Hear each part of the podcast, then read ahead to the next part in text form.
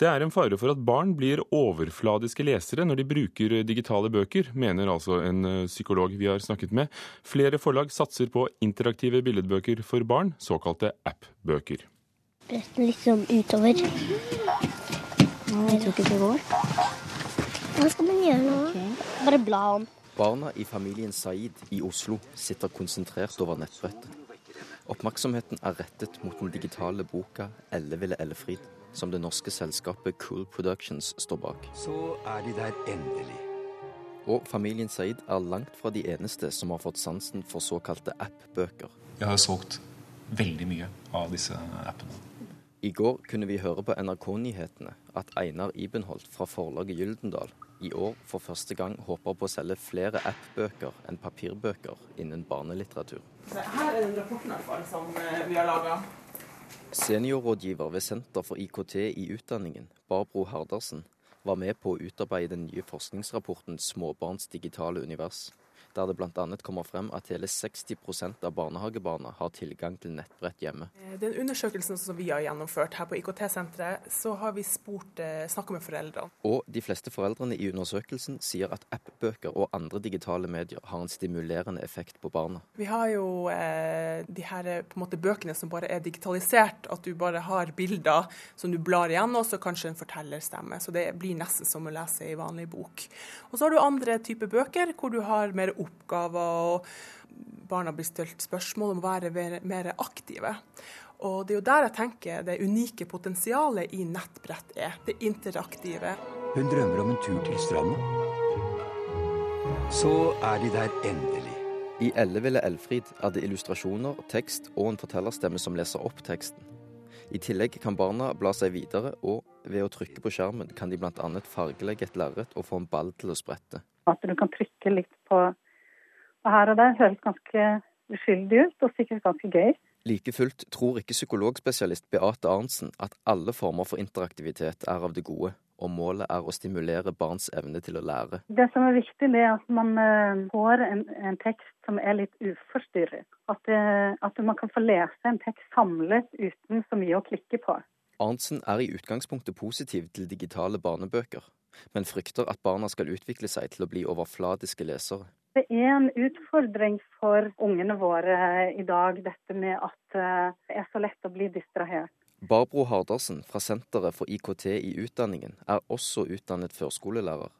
Hun mener tvert imot at interaktive app-bøker kan være en hjelp og ikke et problem for barn med lopper i blodet. Det er et eller annet sånn magisk som skjer når barna bruker nettbrett. Eh, og det tror vi jo går på det her eh, umiddelbare. Du bruker det taktile, du trykker på noe, og det skjer noe umiddelbart.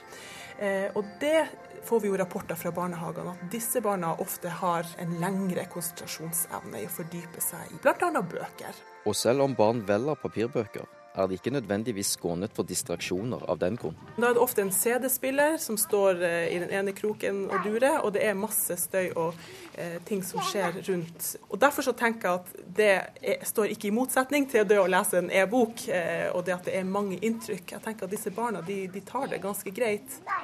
Hardarsen ser likevel ikke for seg at papirbøkene vil bli helt utkonkurrert med det første. En oppfatning hun deler med ni år gamle Yusuf Said. Ja, Noen bøker må jo la være igjen den gamle tradisjonen. og reporter var Dario Kverme Byrhane. Per Christian Bjørkeng, kulturjournalist og kommentator i Aftenposten, også forfatter av boken 'Nettkidsa'. Når synes du at interaktivitet fungerer, og når gjør det det ikke? Ja, eh, det fungerer eh, på en fantastisk måte eh, pedagogisk å sette et lite barn foran et nettbrett som har oppgaver som kan lære barn begreper som det er vanskelig for voksne å lære. Ta et begrep som forskjellig, f.eks. For eksempel. Eh, som eh, virker som en opplagt eh, ting for en voksen, men som er et logisk begrep som jeg tar ganske lang tid for et barn å, å, lære seg. Og Det er sånne ting som man kan få hjelp til da, fra en, en sånn mer interaktiv app. Så finnes det også... Jo, ja. Så er det jo nedsida, ikke sant, som, som, er dette som Arntzen her er inne på. Dette med problemet med distraksjon, og, og, spesielt dette med behovet for å lære seg selvdisiplin, da, som er kanskje eh, den utfordringen som kommer med alle fordelene her. Vi hørte niåringen til slutt i reportasjen som mente at han ville holde på bøkene for tradisjonens skyld. Men Per Kristian Bjørking, som en tidlig bruker av teknologi, vil du det? Vil du holde på papirbøkene for barna? Jeg gjør faktisk det. Eh, og har funnet ut at eh, akkurat når det gjelder eh, akkurat det med det tradisjonelle boka, altså den som da inneholder en helt sånn lineær historie, så er det mange fordeler, spesielt for den voksne, da, i å, å bruke en papirbok fremfor en e-bok. Jeg syns at du måtte beholder kontrollen mye bedre. Uh, og, og, det er lettere for, uh, for den voksne å, å, å styre opplevelsen. Uh, og er, Nå snakker vi om den typen der, der voksne leser for barn, ikke sant, og relativt små barn. da. der der syns jeg at um, den derre hjem-knappen som er på nettbrettet, som gjør at det alltid er andre forstyrrelser der, det at den ikke er der, det er ganske godt. Men for halvannet år siden eh, så rapporterte vi om at i Danmark hadde dette tatt av. Da var det bare ett forlag i Norge som satset på det. Og Foreningen Les de mente at dette måtte vi få mer av. Eh, mener du at det, eh, det vil stimulere til mer lesing, eller ikke nødvendigvis? Ja, altså er litt usikker. Det som virker opplagt, det er at det vil stimulere til mer lesing. Eh, det vi vet om, om e-bøker for voksne, det er at eh, det gir større tilgjengelighet, og det gir mer lesing. Og det er klart at eh, også disse her e-bøkene konkurrerer med alle andre tilbud for barn. Så det er, det er, mulig. På en annen side så er det også mulig at det finnes mange foreldre som meg, som kjøper disse bøkene. De er billige, de er veldig lette å ha med på tur. Men Eh, når alt kommer til alt, så er det kanskje andre ting vi bruker på nettbrettet. Eh, eller som barna bruker eh, på nettbrettet. Mest, i hvert fall. Sånn er det i vårt hus. Barna bruker ikke alltid det du tror de skal bruke? Nei, det vil si de bruker mer interaktive opplevelser. Og da særlig når de skal sitte og gjøre ting selv. Da blir det vanskelig Nå snakker vi om små barn her. Min datter er nemlig tre år. Og Da er det vanskelig å um, holde på oppmerksomheten i en, i en lineær fortelling. Selv om det er en forteller som, som, forteller der. Når det ikke er en voksen der, så blir det fort at man bare liksom, blar igjennom uten egentlig å, å, å forstå innholdet. Mens hvis det er en, en mer av en, um, en spillignende pedagogikk, så, så, holder det på oppmerksomheten mye lengre. Per Christian Bjørkeng i Aftenposten og forfatter av boken 'Nettkidsa'. Ganske lineært, må jeg si. Takk skal du ha. Fotografer har funnet et nytt motiv og et nytt marked. Nyfødte barn og mødrene deres under fødselen. At mødre ønsker seg profesjonell fotograf eh, under nedkomsten er en trend som kommer fra USA, men som øker også i Norge. Lille Celine er bare 18 uker gammel, men har allerede vært hos profesjonell fotograf. Sammen mamma Kristine Skau ble nemlig tatt bilde av under fødselen, og akkurat det er en økende trend blant foreldre i Norge. Det er en trend også når folk ser at det blir vanlig å ta bilder, så er det flere som kanskje tør, da. Vet ikke, Det er vel bare det at man ser andre gjøre det, og så tenker man at det er en god idé selv òg. Kan du fortelle litt om bakgrunnen for at du bestemte deg for å få en fotograf med på ditt barns fødsel? Vi tok bilder når jeg var gravid med førstemann. Mm. Og så er det jo litt spennende å Altså, du får jo noen varige minner som du ikke ville fått ellers. da. Far er kanskje ikke så flink til å ta fokusere på de bildene da veldig glad i bilder. Altså bilder er minner for livet. mm. Fotograf Eva Rose Furumyr, som tok bildene av Celines fødsel, kan fortelle om stadig flere oppdrag som fødselsfotograf og en litt spesiell arbeidshverdag. Du står på vakt to uker før og to uker etter termin. Du må alltid ha bil tilgjengelig og kamera tilgjengelig. og ja, Litt slitsomt, men uh, det, når det først skjer, så er det så gøy. Det er helt fantastisk. Det er et uh, kick å få være med på en sånn stor dag for uh, andre. Så du veit aldri hva som venter deg. Og en fødsel det kan jo ta alt fra én time til 48 timer. Det var en gang jeg var på fødsel i over 30 timer. Det var slitsomt, men når først ungen kommer, så glemmer du alt. For du mm. er så gira, og det er så gøy. Man blir høy av adrenalin rundt det her. Å få en profesjonell fotograf til å ta bilde under selve fødselen har det siste året blitt mer og mer populært i USA, skriver avisen New York Times. Og fotografen tror at man vil se en lignende utvikling i Norge fremover. Uten tvil. Jeg tror det er flere og flere som kommer til å ville ha sånne bilder. Man henger ikke det opp på veggen, kanskje, men eh, alle syns det er kjekt å ha, og alle sier at gud, hvor morsomt dette kan bli å få vise til ungene våre når de blir større. Men ikke alle gravide blir frista av tanken på en fotograf til stede under fødselen. Therese Winsberger er en av dem. Eh, altså, familie og samboer må nå gjerne ta bilder under fødselen òg, for den saks skyld. Men, eh, men, ikke en fotograf, nei.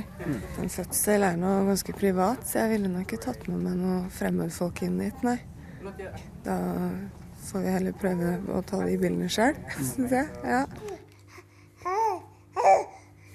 Men hjemme hos familien Skau er man godt fornøyd med resultatet. Jeg syns det er dritkult. Kjempegøy. Fikk se det med en gang etter fødselen og Det er kanskje litt spesielle bilder å se sånn med en gang, men, men det er helt unikt, da.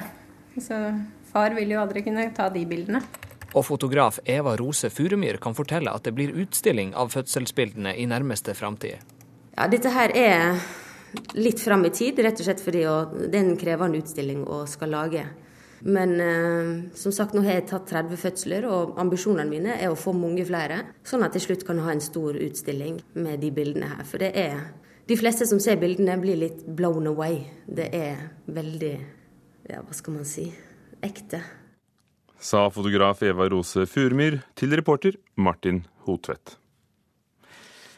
Stevnemøter med ukjente er kjent for mange, men det å dele en opplevelse med et ukjent menneske er det nye nå. Det kan være nøkkelen til virkelig å kjenne noen, og dette er utgangspunktet for et kunstprosjekt som foregår i Oslo for tiden.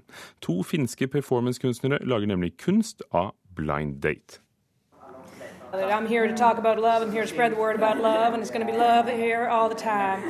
I want to get married, and I want you to get married, and I want you to get married. I want everybody to know this is a time of love. This is the time of love, and love, and it starts here now, and all this kind of stuff. So it goes on for about a while. Performancekunstner Johanna McDonald øver til kulminasjonen av kunstprosjektet The Lovers Matchmaking Agency. Et stort liksombryllup på Operataket i Oslo til helga. Men først må alle para møtes. Vi har eh, The Old Farts, hvor man spiller et gammelt par som viser kjærligheten overfor hverandre ved å sitte og klage på vær og vind. Og, vi har The Skinny Dip for de litt sånn vågale. Den er populær. Lena Tors Mælum lister opp stevnemøtet fra en meny. Hun har meldt seg som matchmaker i prosjektet, og skal finne passende par av folk som aldri har møtt hverandre før men som skal på date sammen. Men her har du muligheten til å treffe noen overraskende. Kanskje kan det bli noe mer, kanskje kan det bli vennskap, kanskje treffes man aldri igjen. Men det er jo opplevelsen som er viktig. Den halvtimen eller hvor lang tid man uh, gir hverandre.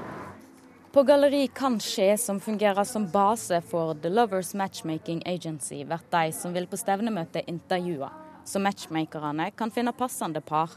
Men det er ikke bare kjærleik som er målet med kunsten. I want people to change their lives. I do. I want people to realize and to be reminded sometimes that we're not stuck. Jeg vil at folk skal forandre livet sine og skjønne at de ikke sitter fast, sier McDonald. Sammen med Arni Korpola står hun bak prosjektet som finner sted i Oslo, København og Helsinki. Performancekunstnerne tror den tilgjorte situasjonen en blind date byr på, er nøkkelen til ei ekte kjent oppleving. Fake,